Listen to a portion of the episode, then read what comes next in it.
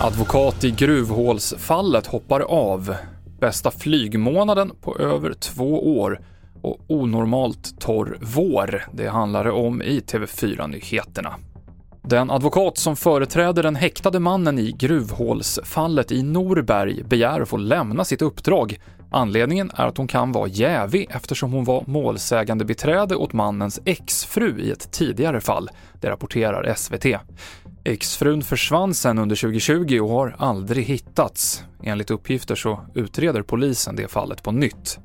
Mannen, som är i 40-årsåldern, sitter häktad misstänkt för mordförsök och våldtäkt efter att en kvinna hittats skadad i ett 25 meter djupt gruvhål i Norberg.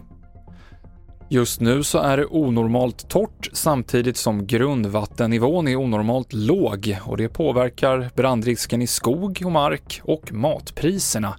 Dåliga skördar och väntade prishöjningar på foder kan få stora konsekvenser för jordbrukare och bönder, inte minst i östra Svealand, ner mot Vänern och Vättern och på Gotland där vattennivåerna är som lägst. I det här området så är det nästan helt klart att det kommer bli dåliga skördar mm. på grund av avsaknad av vatten, vilket gör att fodret kommer stiga i pris också. Hästägare, kanske andra eh, djurägare också. Så att det, det, här kommer ju påverka oss alla. Man kan ju tänka så här, ja, det är soligt och skönt ute och höga temperaturer.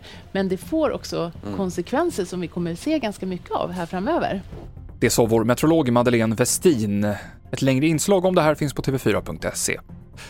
Vi avslutar med att berätta att flygtrafiken i Sverige börjar återhämta sig. Drygt 2,2 miljoner passagerare flög från någon av Swedavias flygplatser i april och det är den bästa månaden sedan pandemins inledning i februari 2020. Och jämfört med 2019 så är därmed närmare 70% av flygresandet tillbaka. Fler nyheter hittar du i vår app TV4 Nyheterna, i studion Mikael Klintevall.